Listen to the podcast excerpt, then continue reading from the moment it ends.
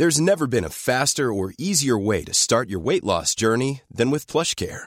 PlushCare accepts most insurance plans and gives you online access to board-certified physicians who can prescribe FDA-approved weight loss medications like Wigovi and Zepbound for those who qualify. Take charge of your health and speak with a board-certified physician about a weight loss plan that's right for you. Get started today at plushcare.com slash weight loss. That's plushcare.com slash weight loss. plushcare.com slash weight loss. Ever catch yourself eating the same flavorless dinner three days in a row? Dreaming of something better? Well, HelloFresh is your guilt-free dream come true, baby. It's me, Kiki Palmer. Let's wake up those taste buds with hot, juicy pecan-crusted chicken or garlic butter shrimp scampi. Mm. Hello Fresh. Stop dreaming of all the delicious possibilities and dig in at HelloFresh.com. Let's get this dinner party started.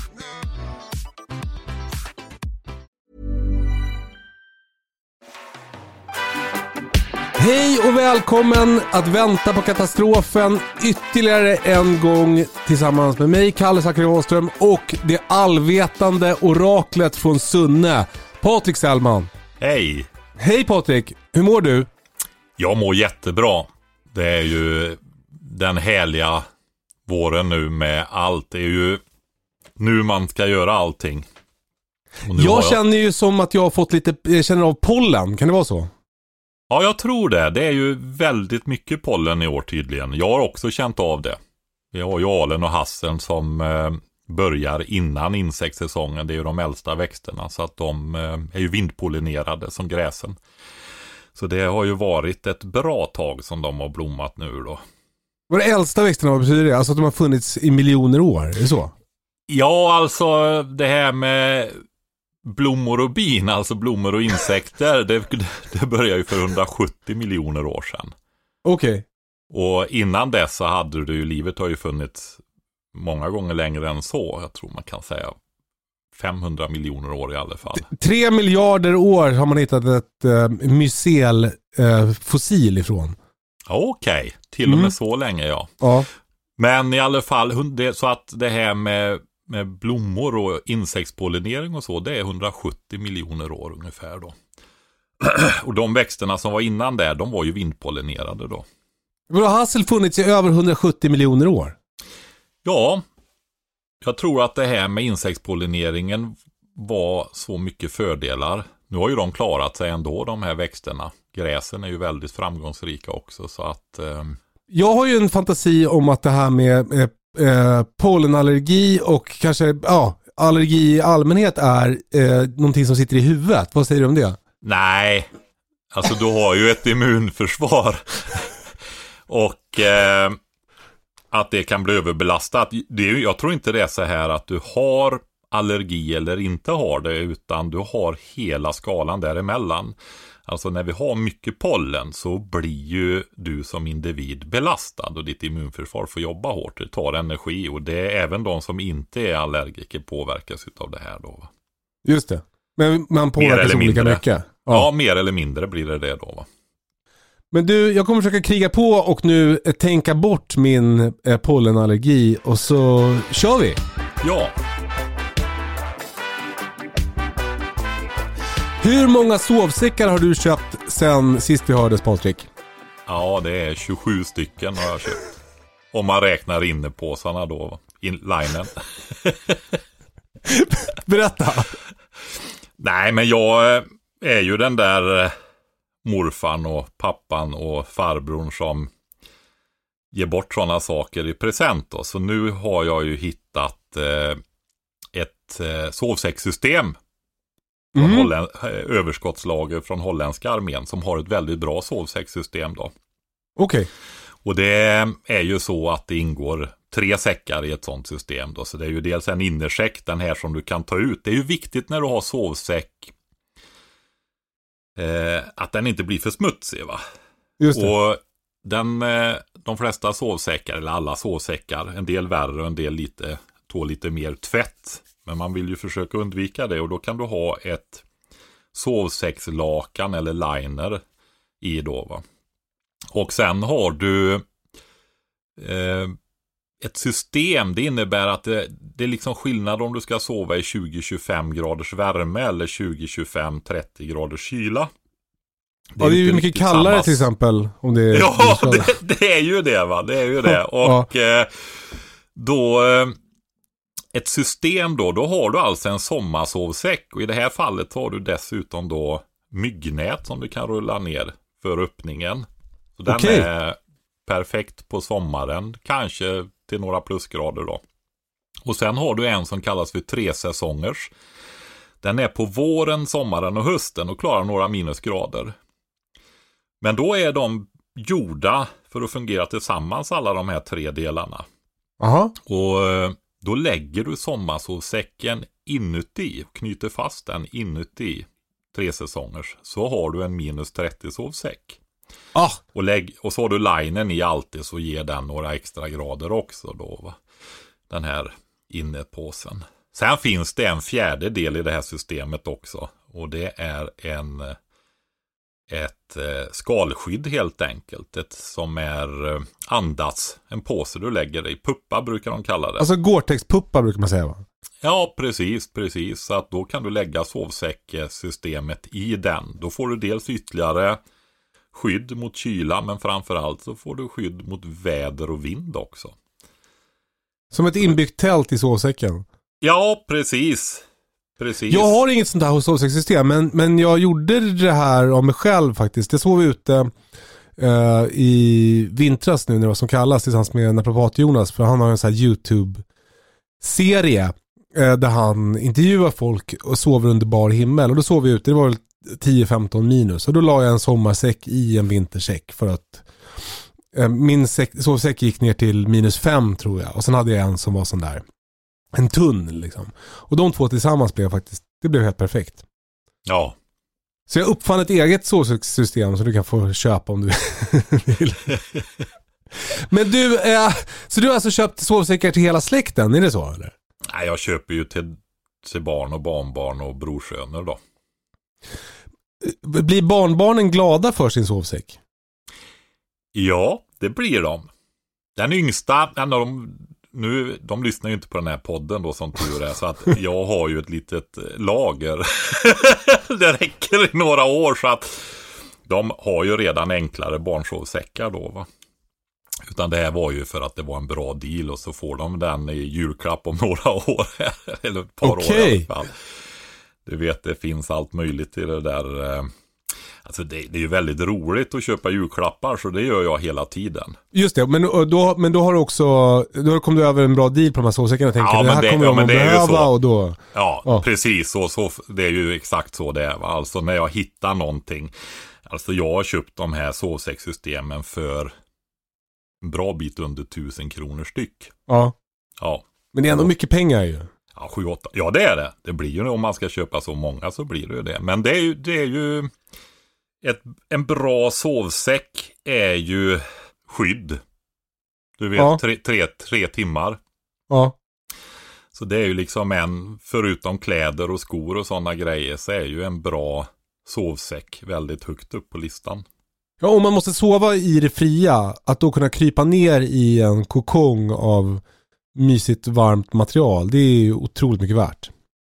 Ja, ja, ja, visst. Man har ju prövat att försöka utan så att det är inte bra. Då får, får man ju lära sig att slappna av så man inte ligger och studsar hela natten. Man fryser inte lika mycket om man slappnar av. Har du tänkt på det? ja, ja. Nej, men jag ska säga också så här att man behöver ju inte ett så här avancerat system, men kan man hitta det till väldigt bra priser då? Nu är ju de här begagnade såklart till de här priserna. Det är ju överskottsmaterial från holländska försvaret. Men de är ju alltså tvättade.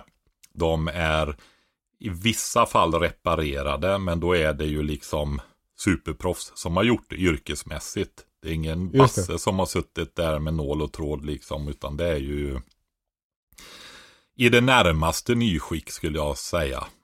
Även fast det inte är nytt då. Va? Men du har ju det här klassiska militärförrådslukten på dem då. Så man får vädra dem eller tvätta dem en gång själv också då.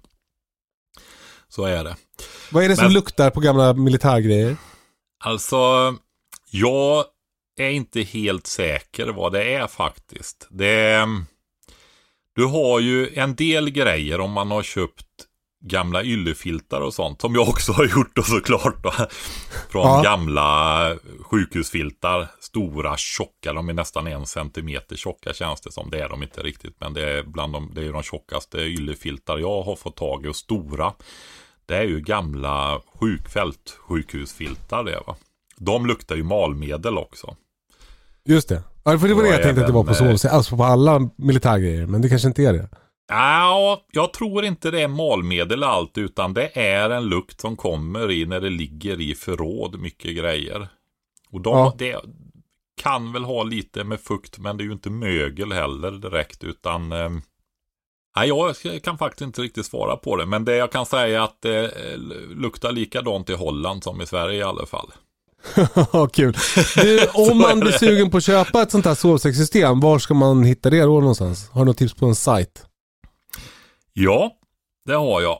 Jag måste ta fram den här bara så att jag säger rätt. Skriver du, kör du pekfingervals Patrik eller skriver du med perfekt fingersättning?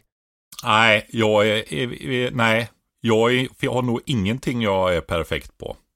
Nej, du kör pekfingervals. Jag är en sån där som är eh, halvdålig på väldigt mycket. Ja, min bild är att du, du, du fäller ner glasögonen, lutar dig lite fram över tangentbordet och tittar ganska intensivt på bokstäverna när du trycker på dem. Alltså jag har ju hållit på med tangentbord sedan 80-talet. Så att eh, det är ett mellanting är det. Ja, Mitt emellan. Men visst var det lite just det med tangentbord. När jag gick i gymnasieskolan så fanns det ju ett ämne som hette maskinskrivning. Det fanns när jag gick på högstadiet också. Ja, och det var ju en specialkunskap, liksom de som skulle jobba med att skriva, de skulle... Sen när alla behövde kunna det här, ja då försvann det. Ja, ja. Ja. Ja, spännande. Vad hette Ja. sajten? Den heter, den har bra priser överhuvudtaget. Nu ska vi se här. X Military Store. xmilitarystore.com Ja, det jag har mejlat och haft dialog det är info at xmilitarystore.com. Perfekt. Och de här filtarna blev man ju jävligt sugen på också. Vad har du köpt dem? De, eh, där har du, eh, de har jag köpt på Röda Stjärnan. Det är ett eh, företag som säljer mycket överskott också. Ligger vid Fridhemsplan i Stockholm. Ja, sen finns det, det jag kan, nä- när vi ändå pratar om det här så kan jag ju nämna en butik till och det är en finsk bu- överskottsbutik då. Ja. De har eh, väldigt bra produkter också. Så mina favoritryggsäckar till exempel. Vet inte hur mycket, nu har vi ju inte fått någon sponsring utav dem. Nej, nej, nej. Vi kör på. Vi bjuder på det. ja, ja, det självklart gör vi det. Eh, Varusteleka, Varusteleka heter de. Eh, jag vill inte bokstavera till det. Varusteleka. Eh, .com heter det då, utan det är, man får nog söka på det där. Och eh, eh, ja, de har väldigt mycket överskott också. De ryggsäckarna där, de är ju dyra. Det har jag ju också eh, köpt då. Till alla de yngre medlemmarna i släkten. Men det var ju på en deal där jag fick halva priset. va. Då passade Ha- jag på och köpte Har det. alla alltså en ryggsäck och en sovsäck? Är de hemma hos dig eller är de hemma hos dem? Ja, nu är de faktiskt eh, mestadels här fortfarande. De är ju så pass små så att de får ju de här på födelsedagar och julaftnar och sådana saker framöver då. När det finns mycket olika grejer. Ponchosar och... Ja, vad fint. Man, man blir som sugen på att vara en sån som ser till att, att hela släkten har varmt om natten och kan bära sina grejer på ryggen. Vi kan säga så här, ja, jag får ta det då för att... Vi kan ju säga när pandemin kom och slog till i fjol våras, vintras. Då hade alla som är över 10 år i alla fall skyddsmask 90 hemma. Ja, ja. ja bra. Snyggt. Så är det. Och det, Man jag skulle- måste bara säga en sak. Jag, jag vet inte om jag har sagt detta förut. Det kanske jag har gjort här i podden. Jag pratar med så otroligt många människor så jag blandar ihop. Men de fick detta i kombinerad föd. Det är ju en ganska dyr grej då. I kombinerad födelsedagspresent och julklapp. Och då kommer jag stolt ner för trappan med de här paketen. De sitter vid mitt köksbord och vi ska ut och fiska och grejer. Men så ska de få sina presenter här då. Så vill jag ju att de ska gissa. Andra gissningen så säger den äldsta av brorsönerna skyddsmask. Nej. jo! ja, så är det. Ja, det var inte, de fick inte ett Nintendo DS utan de fick eh, eh, skyddsmask 90. Ja, Ja. precis. Vad fint Patrik, inspirerande.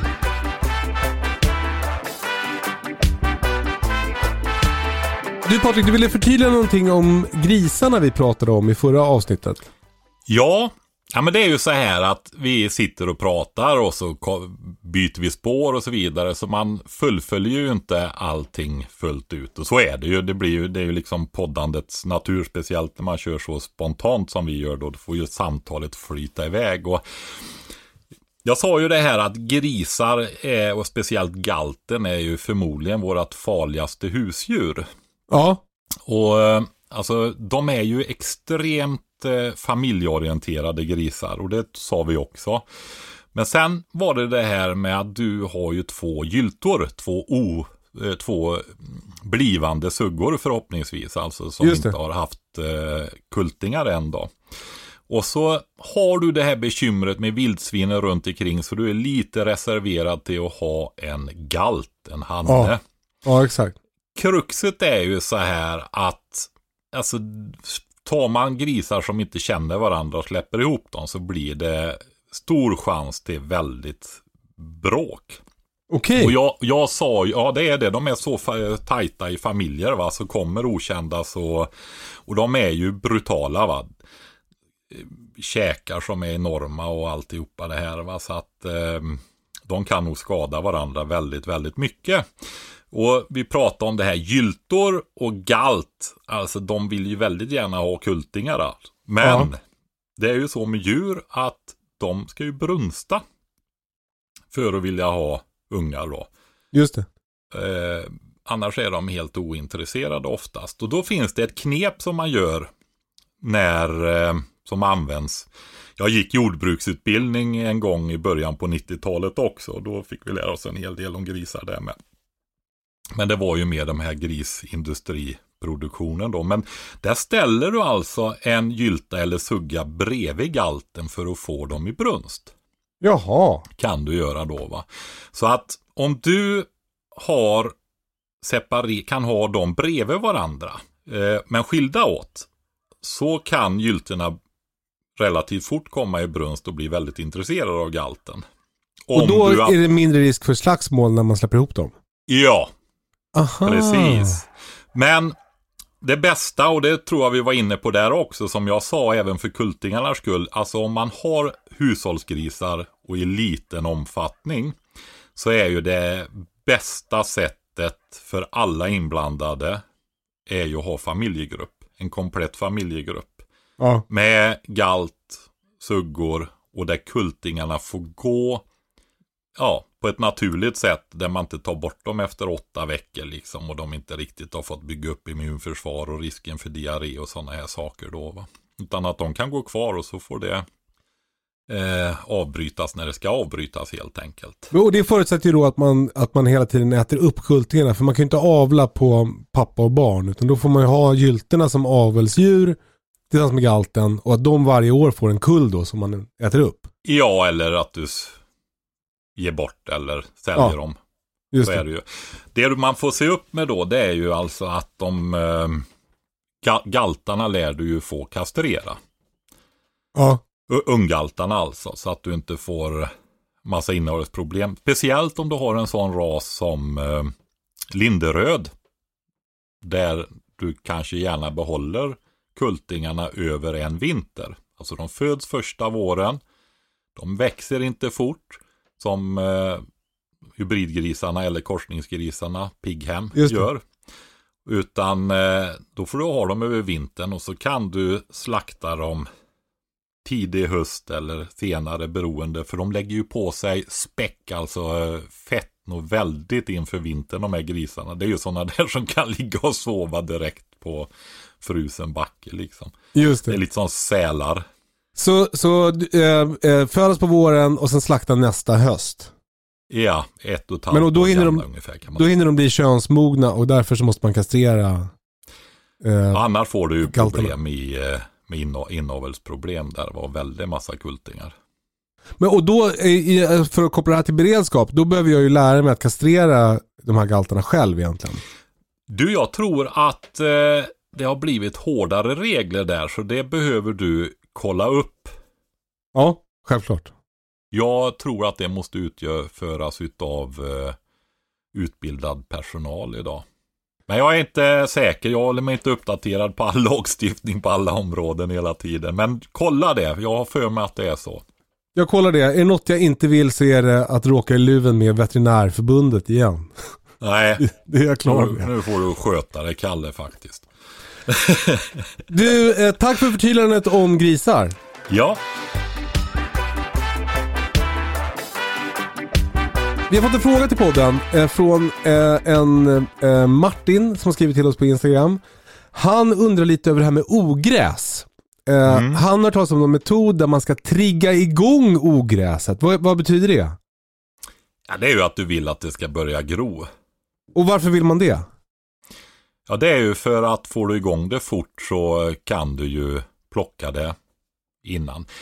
Eh, jag tänker så här att eh, det är ju väldigt bra timing att ta detta med ogräs. Så man, vi kanske ska ta ett, ett brett perspektiv på det där. Vad kan man göra för att underlätta det här med ogräsrensning? Ja, gärna, gärna. För om jag kollar på mitt trädgårdsland nu, då är det ju väldigt mycket ogräs där. Jag har ju inte, jag har ju inte sått något där ännu, men, men jag ser ju att jag kommer ju få problem med ogräs i år. Ja. Alltså, det finns ett par grejer när det gäller ogräs som man måste känna till. Och det är att mycket ogräsfrö, Ja, det kan alltså leva i jorden i något decennium i alla fall. Det finns ah, fy fan. Ja, det är ju så va. Och eh, rör du omkring i jorden då. Dels så vänder du ju ner det som har legat uppe på ytan. Som inte har hunnit gro än. Och sen vänder du ju upp. Så även om du rensar väldigt noga i en gammal jord. Som har varit eh, där man har grävt eller fräst och så vidare då. Och du fräser året efter. Då vänder du ju upp nytt ogräsfrö som gror va. Just det. Och för att tumma jorden på det här ogräsfröet, det tar ju alltså extremt lång tid. Va? Hur gör man då?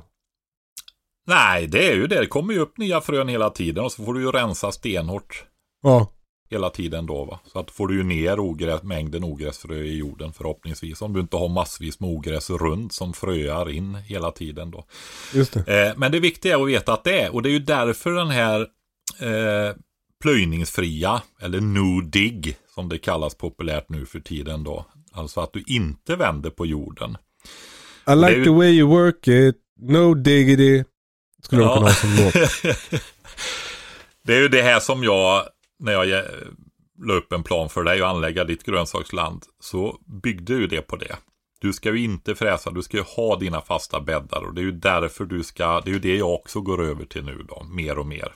Just det. Och det är ju därför som jag börjar producera kompost. För då ska jag bara lägga det uppe på. Då vill jag inte ha för mycket oförmultnade delar och sånt där uppe då. Om man ska berätta då för lyssnarna bara hur, hur liksom den här planen för mitt trädgårdsland såg ut så är det ju att jag har, har täckt eh, gräsmattan med kartong och på det har jag lagt blandning av gös, kogödsel och jord. Och sen har jag gjort gångar med eh, träflis som Mm. nu är helt borta och där växer istället gräs. Ja, eh, men börja- förmultnad. Förmultnad kogödsel får vi säga också. Ja va? exakt, exakt, ja precis. Eh, eh, exakt, komposterad eller den som har legat ett år. Eh, ja, förlåt, fortsätt. Ja. Nej, men det som man brukar göra då, det är ju en sak. Det är att när man har skördat ett land så eh, är det något större ogräs kan du plocka bort det. Men du håller efter under säsongen givetvis också så de inte får möjlighet att fröa och så. Men sen täcker du över och det jag har sett runt om, det här är ju väldigt populärt nu då, det är att man använder en speciell täckfolie, en plastfolie. Och jag har väldigt dåliga ja. erfarenheter utav plastfolier och presenningar och sånt där. Därför att ja, det kommer ju inget vatten. Nej. Och det kommer ingen luft ner heller. Eh, och det är dåligt. När jag har bekämpat eh, rotogräs och sånt där och lagt sådana kraftiga presenningar över så har ju jorden varit död sen. Va? Jag kunde lika gärna kört med sand. Okej. Okay. Ja.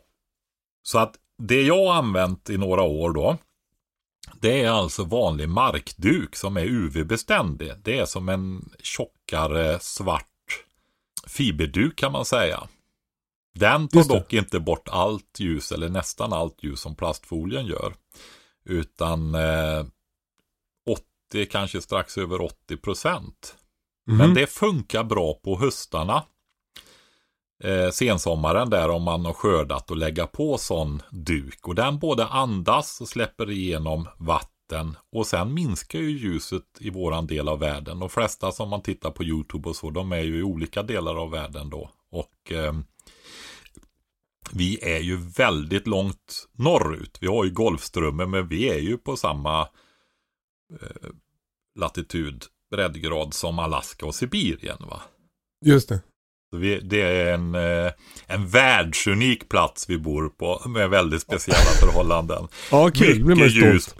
Ja, men det är det. Mycket ljus. Det är ju därför många eh, frukter och bär blir så bra i våran del av världen också. För att vi har så mycket ljus. Mm. Och det du kan odla allra längst upp i norra Sverige när vi pratar, kommer du ihåg vi pratade om den här gården? Ja, det var precis. en som frågade om, om uh, skulle satsa i Västerbotten. Ja, även Norrbotten kan vi säga också då. Alltså vinbär och jordgubbar och sånt. Det är liksom, finns det ingen annan plats vad jag vet på hela planeten. För att du får så mycket smak och så både i båda de här bären med ljuset. Och det är ju så oerhört ljust där uppe. Samtidigt som det är tillräckligt varmt för att kunna odla dem. Så du kan inte odla dem någon annanstans än där med bättre resultat. Alltså. Jag såg faktiskt en sån en grafik igår på internet som var så här europeiska länder och den gröda som odlas som genererar mest inkomst i varje land. Och då var det jordgubbar som var i Sverige, stod det. Mm. De blir väldigt goda. Va? Okay. Så är det. Ogräs! Jo. Ja. Men då täcker man över med en sån här markduk när man har skördat på hösten. Ja, och då hindrar det ju dels om det kommer sena frön att landa på. Men är, det, är den är ju svart också så det alstrar värme. Och är det inte sådana som behöver ligga en vinter. Om du kommer ihåg det här med låset. En del behöver ju känna att det har varit vinter för att de ska kunna gro. Så kan de ju gro redan varma dagar under hösten under det här mörka täcket. Och så kommer de upp och så dör de. och Där det, fick de. Ja, och sen ligger ju det här över vintern och skyddar jorden dessutom. För, ja, alltså det är ju duken som tar regn och sånt. Det slammar ju och slår inte på, på jorden på samma sätt som om du inte skulle ha duken då. Men också, eh, det är något vi har lärt oss är det ju också att, att eh, det där blir ju, det som då kommer upp och sen dör, det blir ju näring till jorden. Självklart. Det blir ju som en kompost det där, va? Håller, ja. föder mikrolivet.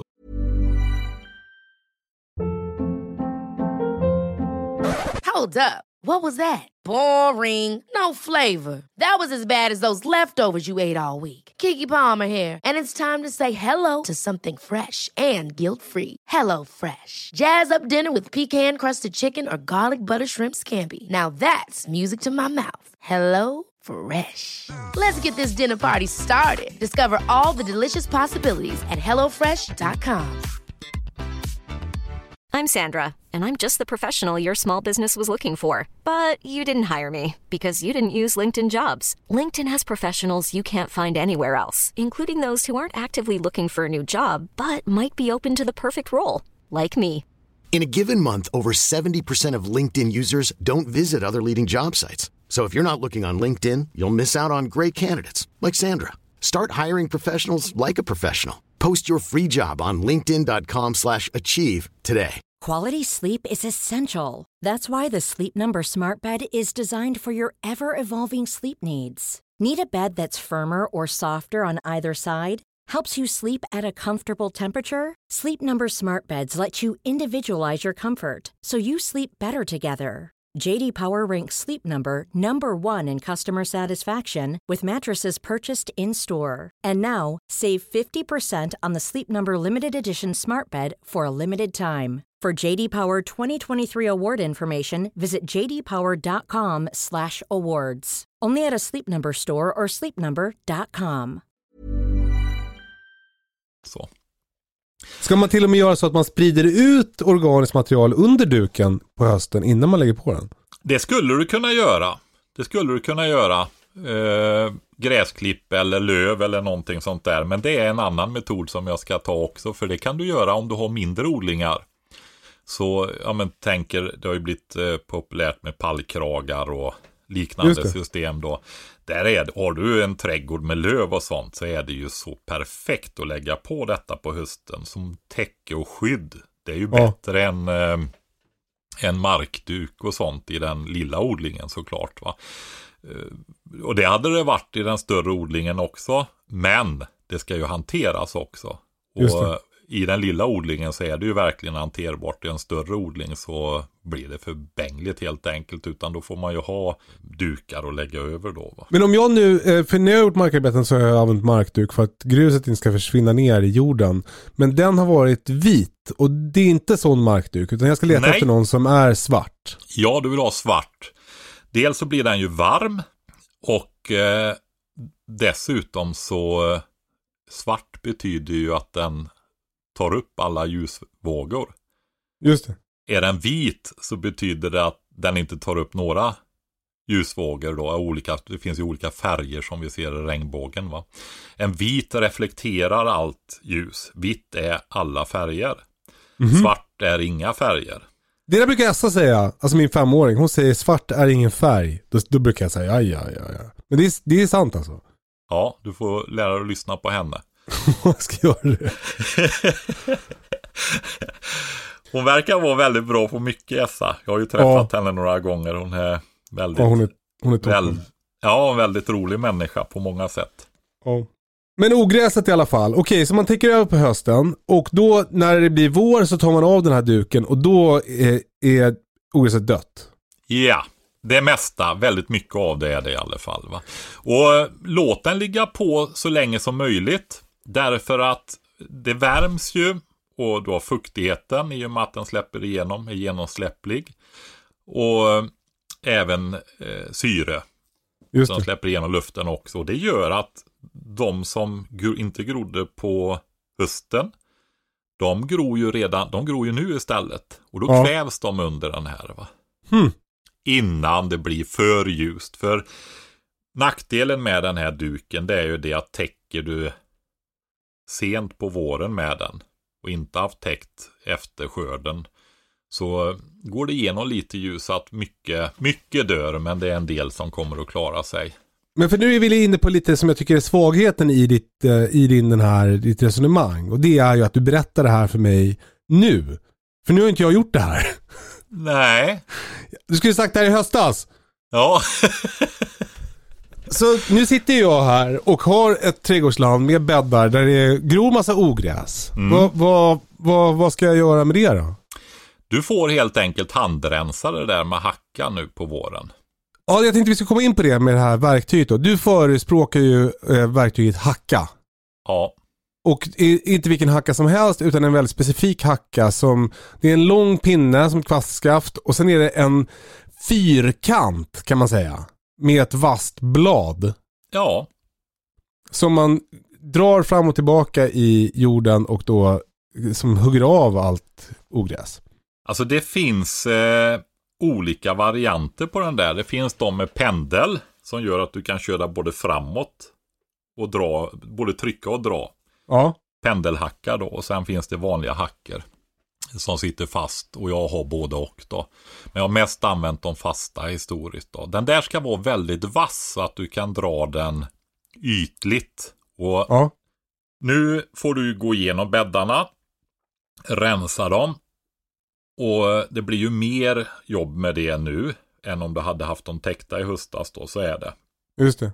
Ska Och jag därför- göra det nu innan? För, för vi kommer också komma in på det här med att dra upp plantor. Mm. Eh, För det förespråkar ju du, att man ska dra upp plantor av allt man ska odla i landet för att då får man ett försprång på ogräset. Eh, Men, men, och jag är ledsen att jag föregår dig i det här, men, men eh, då ska jag alltså gå igenom landet nu, ta bort allt ogräs, medan jag drar upp plantor som jag sen planterar ut och sen så kommer jag någon gång under sommaren få rensa igen va? Ja, alltså det är ju den, den andra biten. Det. Gör i ordning bäddarna så fort du kan. Så snart jag kan. Ja, precis. Alltså inte på rekordtid utan Ja, det är Nu. bra det också, men så, så tidigt som möjligt på säsongen då. Därför att då kan de ju ligga där sen. Och vad händer då? Jo, det ogräsfrö som inte har grott, det gror ju. Just det. Och innan det blir för stort, för det är ett typiskt nybörjarmisstag. Rensa Vilket? ogräs är inte roligt, eller tycker du att det är roligt, Kalle? Nej. Nej. Då eh, struntar man i det. Ja. Tills det är ett tillräckligt stort problem. Ja. Och då har du ju ett helvete va. Det är ju Ja. därför man hatar att rensa ogräs. Men om du istället tar innan det är ett problem, alltså precis när ogräset, mycket av ogräset har kommit upp. Alltså det kan vara en halv till två centimeter högt med två små hjärtblad, de här två första bladen som kommer. Ja. Om du, du behöver ju bara kratta över landet. Du går med en kratta ytligt försiktigt. Du eh, rör omkring i jorden. De dras upp, de störs, de här ogräsen. Och det här gör du givetvis när du ser på väderleken att det ska vara solsken i två dagar. Va? Mhm. För då kommer de att dö. De torkar ut helt enkelt. Ja, ja, ja. Och så ska man alltid tänka när det gäller ogräs. Att vänta till du ska gå och dra upp dem. Ja, då kommer du att- göra någonting annat framöver efter ett tag troligtvis. Va? Det är lite som med personlig hygien, att det är bättre att, att, att hålla efter det än att storstäda en gång i veckan. Ja, precis. Precis. Ja. Ja, det är ett annat avsnitt där vi pratar om hygien. Ja, Okej. det är H i hemskt vis. Den Just första det. bokstaven där. Hälsa är det i och för sig, men det inbegriper hygien också. Men du, så, så nu, det jag första jag kommer göra när vi har slutat prata idag är att gå ut och köra. Då kommer jag köra med min hacka i landet. Ja. Eh, och gå igenom även gångarna. Mm. Och helst borde jag ju fylla på med träflis i gångarna va? Ja, precis. Om du har tillgång till det så gör det. Jag har så mycket gångar och eh, jag eh, lägger mitt träflis runt perenna växter istället som buskar och perenner och sånt där som marktäckning där. Just det. Och det här med, marktäckning, för eh, jag har ju tillgång till ganska mycket gammalt ruttet eh, ensilage som fåren inte har hunnit äta upp. Ja, är det någonting jag ska lägga på, för man kan, det finns någonting som heter täckodling också. mm. Det är också ett sätt att Det- hålla efter ogräs. ja det är en av dem som jag tänker jag ska ta upp. Ja. Och, eh, men för det här som vi sa nu då, du ska göra i ordning bäddarna också. Alltså kratta till dem så att de är så jättefina så att du inte behöver röra omkring mycket i jorden sen när det är dags att sätta ut. För då rör du Mm. upp nya ogräsfrön igen. Va? Ja, smart. Så att det ska vara helt i ordning gjorda bäddar. Och så man brukar säga att om man kan vänta tre veckor så kommer de flesta frön att ha grott. Och drar du upp planter nu och gör i ordning bäddarna nu så kommer du att vänta tre till fyra veckor innan du sätter ut plantorna. Så det är det perfekt. Och då krattar du bara till eh, bäddarna ytligt och fint. Så eh, då får du bort väldigt mycket av ogräset där sen. Va? Just det. Oerhört enkelt också med liten arbetsinsats då. Just det här som jag beskrev nu. Det kallas för dröjd sådd också då va. Om man vill så istället för att sätta ut planter. Och det finns ju vissa grödor som morot till exempel. Det tar lång tid för dem att gro. Ja. Och eh, det är väldigt skönt att ha lite ogräs. Där man ska ha morötterna då. Va? Så eh, just det här med fördröjd sådd. Att du gör i ordning bädden. Och väntar 15-20 dagar i alla fall. Och krattar till när det är solsken ett par dagar då innan du sår morötterna där. Du krattar till och sen sår du i princip för att då har du ju rört omkring eh, ogräset redan så du behöver inte vänta de här två dagarna. Va? Så eh, får du mycket, mycket mindre ogräs i morötterna då. Och sen ett tips när det gäller morötter också. Så lite rädisfrön. De är ju precis tvärtom. De gror väldigt fort. Mm. Så eh, har du såmaskin, blanda i lite rädisfrö i morotsfröet. Sår du för hand så stoppa ner en rädisa med, ja, en, beroende på hur långa rader du har då, men 30, 40, 50 centimeter emellan varje rädisa. För då kommer de upp fort och då ser du vad raden är va. Åh oh, gud vad smart. För då kan du igen sen med den här hackan när ogräset är sådär som jag sa en halv till två centimeter med två hjärtblad. Då går det bara att hacka mellan raderna fast inte morötterna har kommit upp. Va? Gud vad smart. Och gör du det några gånger då får du ju väldigt lite kryprensning. Du får det- alltid någon kryprensning ändå i sådana grödor va. Och, um, som Alltså det är krypa på knä och, och handrensa. I raden ja. Just det. Du, eh, eh, för alla som är lite mer som jag nu då, som blir oroliga över kronologin nu. När är det dags att så morötterna? Eh, morötter kan du så tidigt. Alltså nu. Ja, så fort, du vet det där som vi har gått igenom förut, så fort jorden reder sig. Ja men vad fan, säg bara, säg om... Vi vet, Nej, jag men- vet jo, inte det ju så. orden har rätt sig. Ska, man, ska jag gå igenom det varje gång vi pratar om detta? Ja men jag förstår inte vad det betyder. Jag, alltså du har sagt det Ja tusen men det är ju gånger. när, det, jorden har rätt sig när du kan göra i ordning bäddarna kan vi säga. När, alltså när det inte kletar och håller på. Det beror Ja, på men det var ju en månad sedan. Ja. Jag sått Du- morötter för en månad sedan. Ja, alltså grejen är så här. Du vet det är en rot, det har vi pratat om förut. Det är en tvåårig växt. Ja. Första året så laddar den upp energi och näring i en rot. För men att lyssna nu, det här är året- svinmäktigt. Det här kommer blow your minds ni som lyssnar. Alltså moroten, den bildar moroten som en, som en matsäck kan man säga. Ja, För att år två, vad händer då? då använder den här näringen som är uppladdad i roten till att bli en buske på 70, 80, ännu större med tusentals frön. Vad säger ni nu då? Det är det sjukaste jag har hört. Ja, så är det. Och den fröar ju sen då på hösten. Det finns vildmorot i Sverige och det kan vara ett problem om man vill eh, ta egna frön efter morot då. För då sätter du ju ut morötter på våren. Som du har förvarat bra, som är friska och goda och så vidare. Och så får de gå upp i den här busken då. Men har du vildmorot runt omkring då korsar den ju sig med dina. Va? Då får du Mhm. någonting annat än vad du hade önskat. Men eh, den släpper ju fröna redan på hösten. När den har blommat över och fröna har blivit mogna. Så du skulle kunna så sått morötterna redan i höstas. Jaha. Varför gör man inte Men det, det. Ja, alltså du har ju det här med ogräset då. Just det. Du får ha ogräsfri jord. Men om du har, vi pratar ju om varmbänk i växthus och sådana här grejer i, eh, ja, för några avsnitt sedan där. Där skulle man faktiskt, ah, du vill inte göra ordning varmbänken så tidigt, men i växthuset generellt så, sett då så kan du så morötter på hösten så kommer de upp så tidigt de bara kan på våren då. Men då måste Huh. du ha ogräsfritt, annars har du ju ett helskotta när eh, de här börjar gro och det är fullt ogräs och så vidare. Va? Just det. Mm. Så det, där är problematiken med höstsådd. Det är ju alltså ogräshanteringen då. Så det är ogräsfri jord. Men så, så eh, nu när vi, eller om en stund när vi har lagt på. Då kommer jag gå ut och göra i ordning mina bäddar. Jag kommer att Mm. så morötter. Om du inte vill göra det här med fördröjd sådd. Vad, och förklara det, jag fattar inte. Det är ju alltså att du gör i ordning bädden nu. Ja. Perfekt. Men så väntar du med att så ett par tre veckor. Och så krattar du innan du så morötterna. För då har ju det här ogräset fått gro.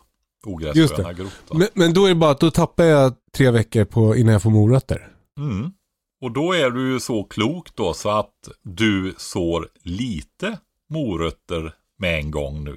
Som du Ja. kan handrensa och ogräsrensa och ta hand om extra mycket. Och så väntar du med huvuddelen som du kanske ska ha och lagra i jordkällan och sånt där då.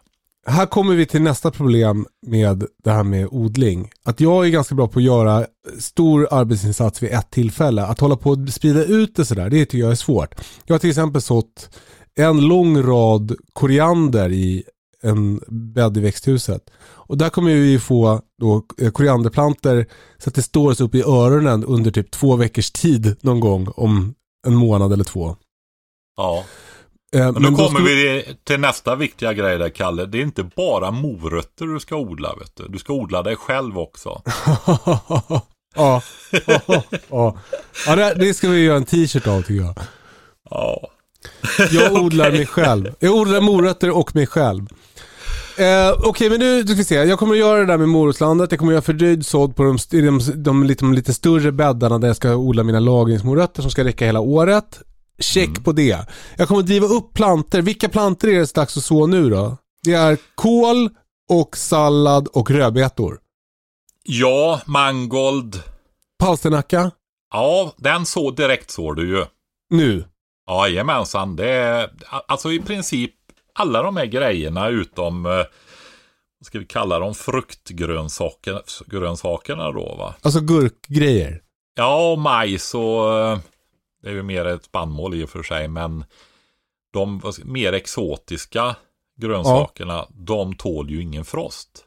Just det. Jag hade frost i natt faktiskt. Mm. Ja, ja, precis. Ja, men det, det kan ju komma ända fram i slutet maj-juni det.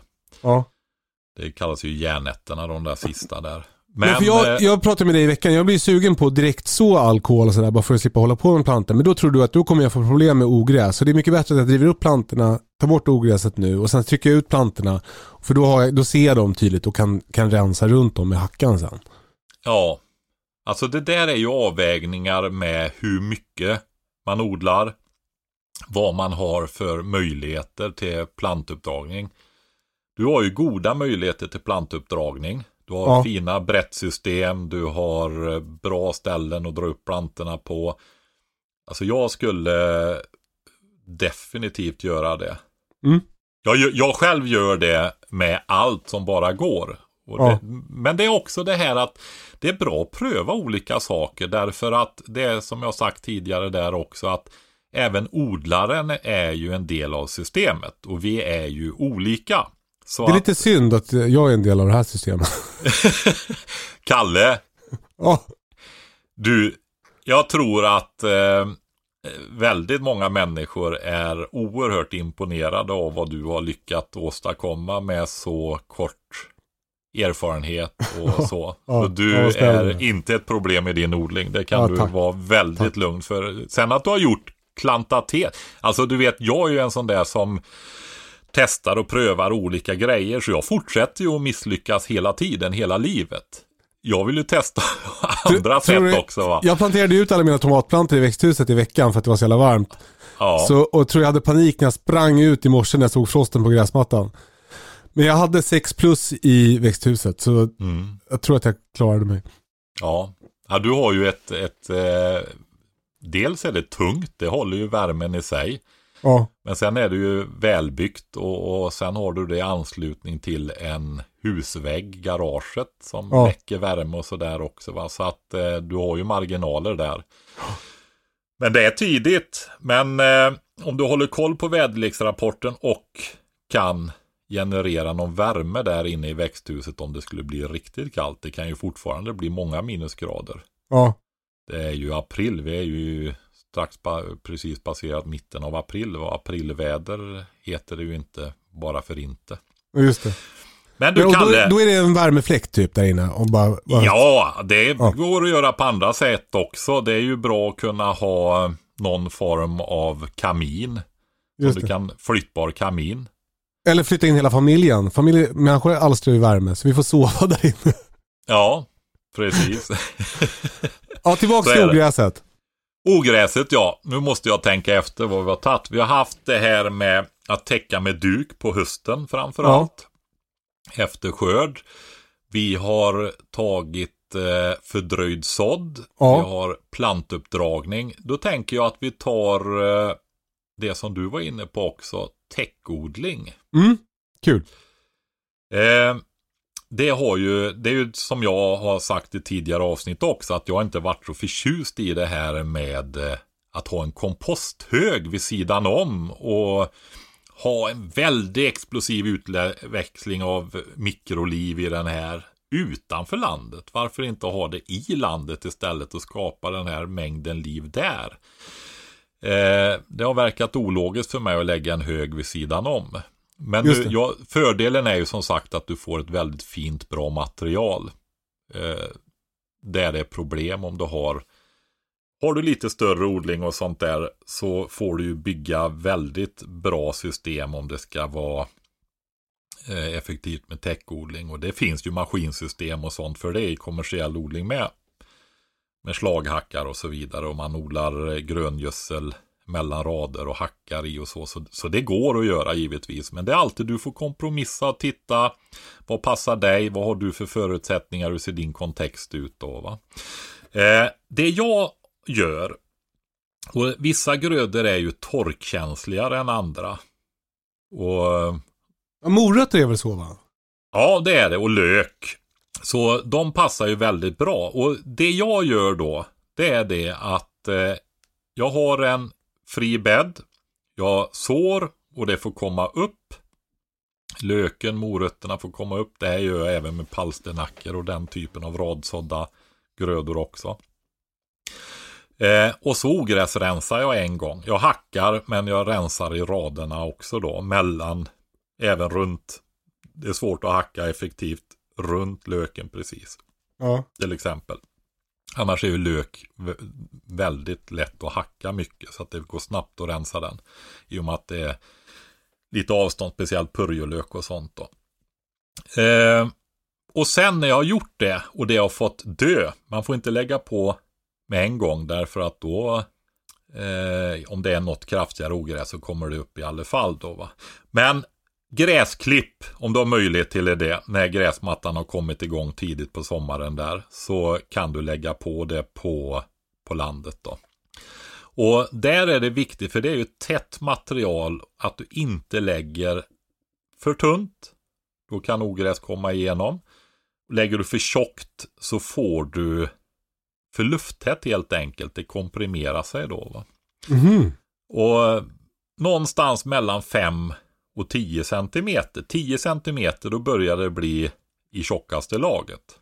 Så eh, 7-8 centimeter någonstans där. Så inte dra iväg för mycket då. För då får du en, eh, vi pratar om aerob, alltså med syre, eller anaerob utan syre förmultning då. Det blir olika typer av bakterier och blir det för tjockt då får du en syrefri miljö och de här anaeroba bakterierna istället och det vill du inte ha.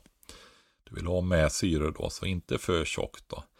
Men vad du vinner då, det är ju dels att du får en tjock filt inom situationstecken som skyddar när det regnar, speciellt om du har en jord med inslag av lera och så som kan bilda skorpor efter regn. Och då träffar ju regnet gräset istället. Och eh, slammar inte upp jorden på samma sätt utan det sipprar ju sakta ner genom gräset då till jorden och infiltreras där. Plus att du får väldigt mycket liv i ytan emellan gräset och jorden. Så att det, det luckrar sig själv och du får oerhört fin jord i ytskiktet där. Va? Sen får du inget ogräs för det kvävs ju under det här. Ja. Och sen får du mycket minskad avdunstning. Alltså vatten som går upp som vattenång. Alltså du behöver vattna mycket mer sällan. Speciellt eh, lök är väl kanske en av de växterna som är jättetorkkänslig egentligen. Det lärde jag mig en jättekall, man tänker ju Öland, Medelhavet och så med lök. Men eh, jag hade en jättekall sommar när det regnade mycket.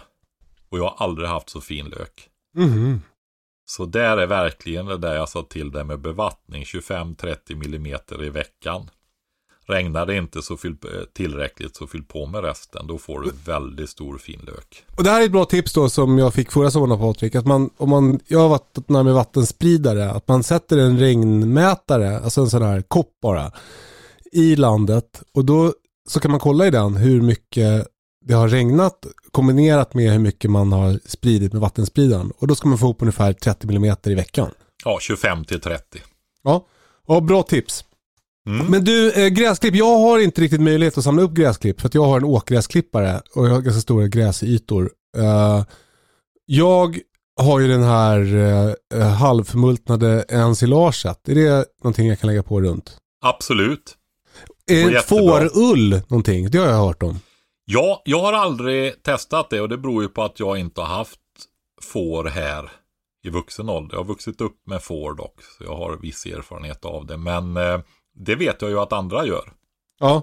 Jag har hört att det tar lång tid för att brytas ner. Ja, det skulle inte förvåna mig. Men du kan ju ha, har du en mindre odling då? Jag menar, du får ju ha väldigt mycket får och, och lägga ut ull om du ska ha en större odling. Men eh, om du har en mindre odling då och har lite får eller kan få tag i ull då så kan du ju ha det på. Det kan ju vara det här lagret som ligger även på, på hösten och skyddar jorden då efter odlingen. Det finns ju de som driver det här väldigt långt med täckodling. Att eh, de alltid har marken täckt. Alltså det, det finns ju ingenstans i naturen utom skador på grund av skred, rotvältor eller någonting sånt där där jorden inte är täckt och skyddad. Just det. Jord vill inte vara bar. Nej. Det är därför du har ogräsen som snabbt kommer in och försöker täcka jorden då. va. Våt, våtarven till exempel är ju ett typexempel på det som gror snabbt och kommer upp och täcker över väldigt fort. Va? Så eh, det här tillämpar ju många odlare då att man alltid har jorden täckt. Och ska du då så, ja men då krafsar de bara undan lite så de får en rad i där de kan så eller sätta ut en planta och sådana saker då. Och Det låter, ju, ju- det låter ju smidigt. Ja, alltså har du en liten odling då kan man ju lägga upp den på många olika sätt. Jag har ju funderat på att ha en småbrukarkurs då. Jag har ju kört biodlingskurser nu i nio år tror jag det var jag började med de första. Och eh, jag skulle vilja gå över till småbrukarkurser istället, lite bredare och med inslag av beredskapstänkande och sånt där också. Och ehm, Du ska starta en podcast. Ja. Nej, men alltså då tittar jag på en odling just. Jag har ju ganska stora odlingar själv och då får man ju tänka på ett visst sätt. va. Just det. Men väldigt många människor har ju sin lilla villaträdgård på 2, 3, 400 kvadratmeter. Eller till och med radhusträdgårdar. Mm. Eh, några tiotals kvadratmeter kanske. Då finns det ett gammalt system som har fortsatt att utvecklas som heter kvadratodling. Mhm. Och det ska jag studera lite grann för att kunna bjuda på det i så fall. Då. Jag har precis coolt. köpt, köpt en bok. En lite modernare bok än de äldre böckerna som jag har läst tidigare om det där. Då. Men jag har inte tillämpat det så mycket, men jag tänkte jag ska göra det i år får vi se. Och då, eh, det kan vi ta någon, något program längre fram, kvadratodling då. Kul. Pass, eh, jag vill inte passa på att plugga lite för dina biodlingskurser också. För du har ju annonserat ut dem precis. Så om man är sugen på att lära sig om att odla bin. Då kan man gå in på smabruk.se va? Ja, småbruk.se. Småbruk.se till och med. Ja, med å. Annars kommer man någon annanstans. Eh, det är på fyra platser jag har kurser i år och det är i Söderberke i Dalarna, det är Västerhaninge. eh, Det är vid mig. Stock, vad sa du? Det är precis här vid mig. Ja, i princip. Eh, och sen har jag i Hässleholm i Skåne och sen har jag här hemma i Ragvalltjärn. Där är det dock bara en plats kvar nu då. Så. Men på de andra tre ställena så finns det fler platser kvar då. Och eh, är det så att man vill gå kurs och bor i närheten, närheten av Söderberg, Västerhaninge och Hässleholm så är det nog bra om man passar på att göra det i år därför att jag kommer att dra ner på det. Ja, Jag kommer nog ha här hemma och jag kan eventuellt ta på någon annan plats också. Men eh, jag ska försöka. Jag vill fortsätta ha kurser för jag tycker att det är väldigt, väldigt roligt. Men det här resandet tar mer än vad man tror. Så att Ja. jag kommer att, ja men du vet man reser 40-50 mil. Ibland ännu längre. Jag har kört ända upp till Umeå och efter Norrlandskusten och sådana saker också. Kommer fram där på fredag kväll eller mitt i natten och så ska man gå upp tidigt på morgonen, köra heldag, vila lite, köra en heldag till och så köra hem sen va. Ja, det låter ja. tufft. Vi hade ja, det, kurs, det är ju det. vi hade en kurs här i förra sommaren och, och, och, det var ju, eh, ja, det var ju väldigt lyckat. Folk var ju glada. De, de, det kändes som, en, som att de var väldigt nöjda med din biodlingskurs. Så det tycker jag verkligen. Ni som lyssnar, eh, gå in på småbruk.se och, eh, och eh, anmäl er till de här kurserna. Mm. Jag får väl säga det när vi ändå passar på att göra marknadsföring för sig själv då så har jag ju också en liten tillverkning utav topplistkupor. Alltså en speciell typ av eh, bikupor där man inte använder de här ramarna utan låter bina bygga sina kakor själva på lister och försöker få dem att bygga rakt på listen så man fortfarande kan lyfta och titta på kakor och sånt där då. Eh, det kan man läsa mer om på min webbsida i bloggen. Där finns det i princip en hel bok fast i eh, blogginlägg och artik pdf-artiklar och sådana där saker som jag har skrivit. Då. Det går också att beställa hos mig på min webbsida. Då. Både byggsatser som jag skickar med lastbil eller färdigbyggda där vi antingen hämtar här eller att vi kommer överens när jag åker runt i landet eller någonting sånt där om hur vi ska leverera det. Och Passa på att göra det här för, för då får man kanske hem Patrik, du kan ju få hem Patrik till dig själv och då kanske du kan passa på att ställa andra frågor om dina odlingar och om beredskap och sånt. Så det är, det är ett, uh, alltså en trojansk häst. Alltså du lurar hem Patrik och sen så mjölkar honom på all information som han har i sin, sin hjärna. eh, är vi klara med ogräs eller har du något mer? Nej, jag tycker att det räcker så. Vi bara sammanfattar det. Vi hade Och... marktäckning med duk. Jag förordar då att ha en markduk som släpper igenom vatten och, som, och luft istället för plastfolie. Men många använder plastfolie och de fortsätter med det så att det fungerar väl ganska bra det också. Eh, fördröjd sådd hade vi och vi hade att man sätter ut plantor så att man får försprång och så hade vi marktäckning. Du, eh, eh, Martins fråga från början var ju om det här med att trigga ogräset. Och jag, eftersom jag är lite trög så vad, vad, har han fått svar på den frågan? Jag vet inte, jag kollar inte så noga på den. Men när du täcker med eh, eh, markduk så triggar du ju det. Och man kan väl tänka sig ett system, det här med fördröjd sådd. Mm. Om du, du vet att man använder ju vita fiberdukar för, som är drivhuseffekt. Just det. För att eh, få saker att växa snabbare på våren när det fortfarande är lite kallt och så. Och eh, det skulle du kunna använda när du tillämpar det med fördröjd sådd också. Att du lägger en fiberduk över för att driva på. Ge större värme, mer vindskydd och så vidare för ogräset så att det gror fortare då. Då gror det, kommer upp, du tar bort det och sen vänta lite och sen kratta och sen så. Ja, precis. Då kanske du inte behöver vänta lika länge. Som jag nu, sa, två, tre veckor. Nu har vi benkoll på hur vi ska hantera vårt ogräs. Och i alla fall jag känner mig jävligt peppad på att ge mig ut och, och ta tag i det här. Du, eh, Patrik. Mm. Vi har ju en lång lista med grejer vi ska prata om idag, men nu, nu är det slut. Har det redan gått en timme alltså? alltså det, vi har med lite sovsäckar och en fråga. Ja, Alltså och då, jag, hade jag, också struk, då hade jag också strukit ganska mycket saker på din lista som du ville prata om idag. Uh, men vi hinner inte med allt ändå. Men uh, det kommer nya avsnitt, nya veckor. Uh, följ oss på Instagram. I väntan på katastrofen heter vi där. skriv frågor om ni har dem. Uh, anmäl er till bioodlingskurserna och ha det så bra väl. Mm. Hej då! Hej då!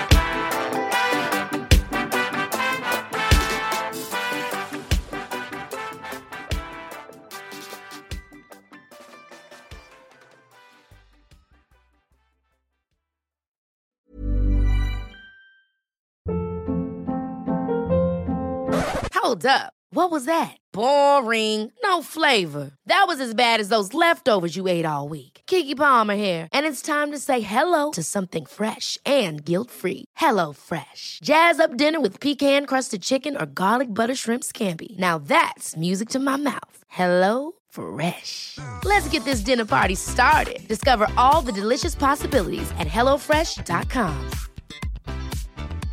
Hey, it's Paige DeSorbo from Giggly Squad. High quality fashion without the price tag. Say hello to Quince. I'm snagging high-end essentials like cozy cashmere sweaters, sleek leather jackets, fine jewelry, and so much more. With Quince being 50 to 80% less than similar brands.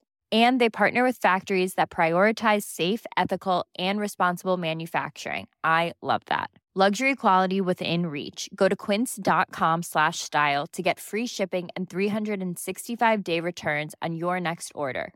Quince.com slash style.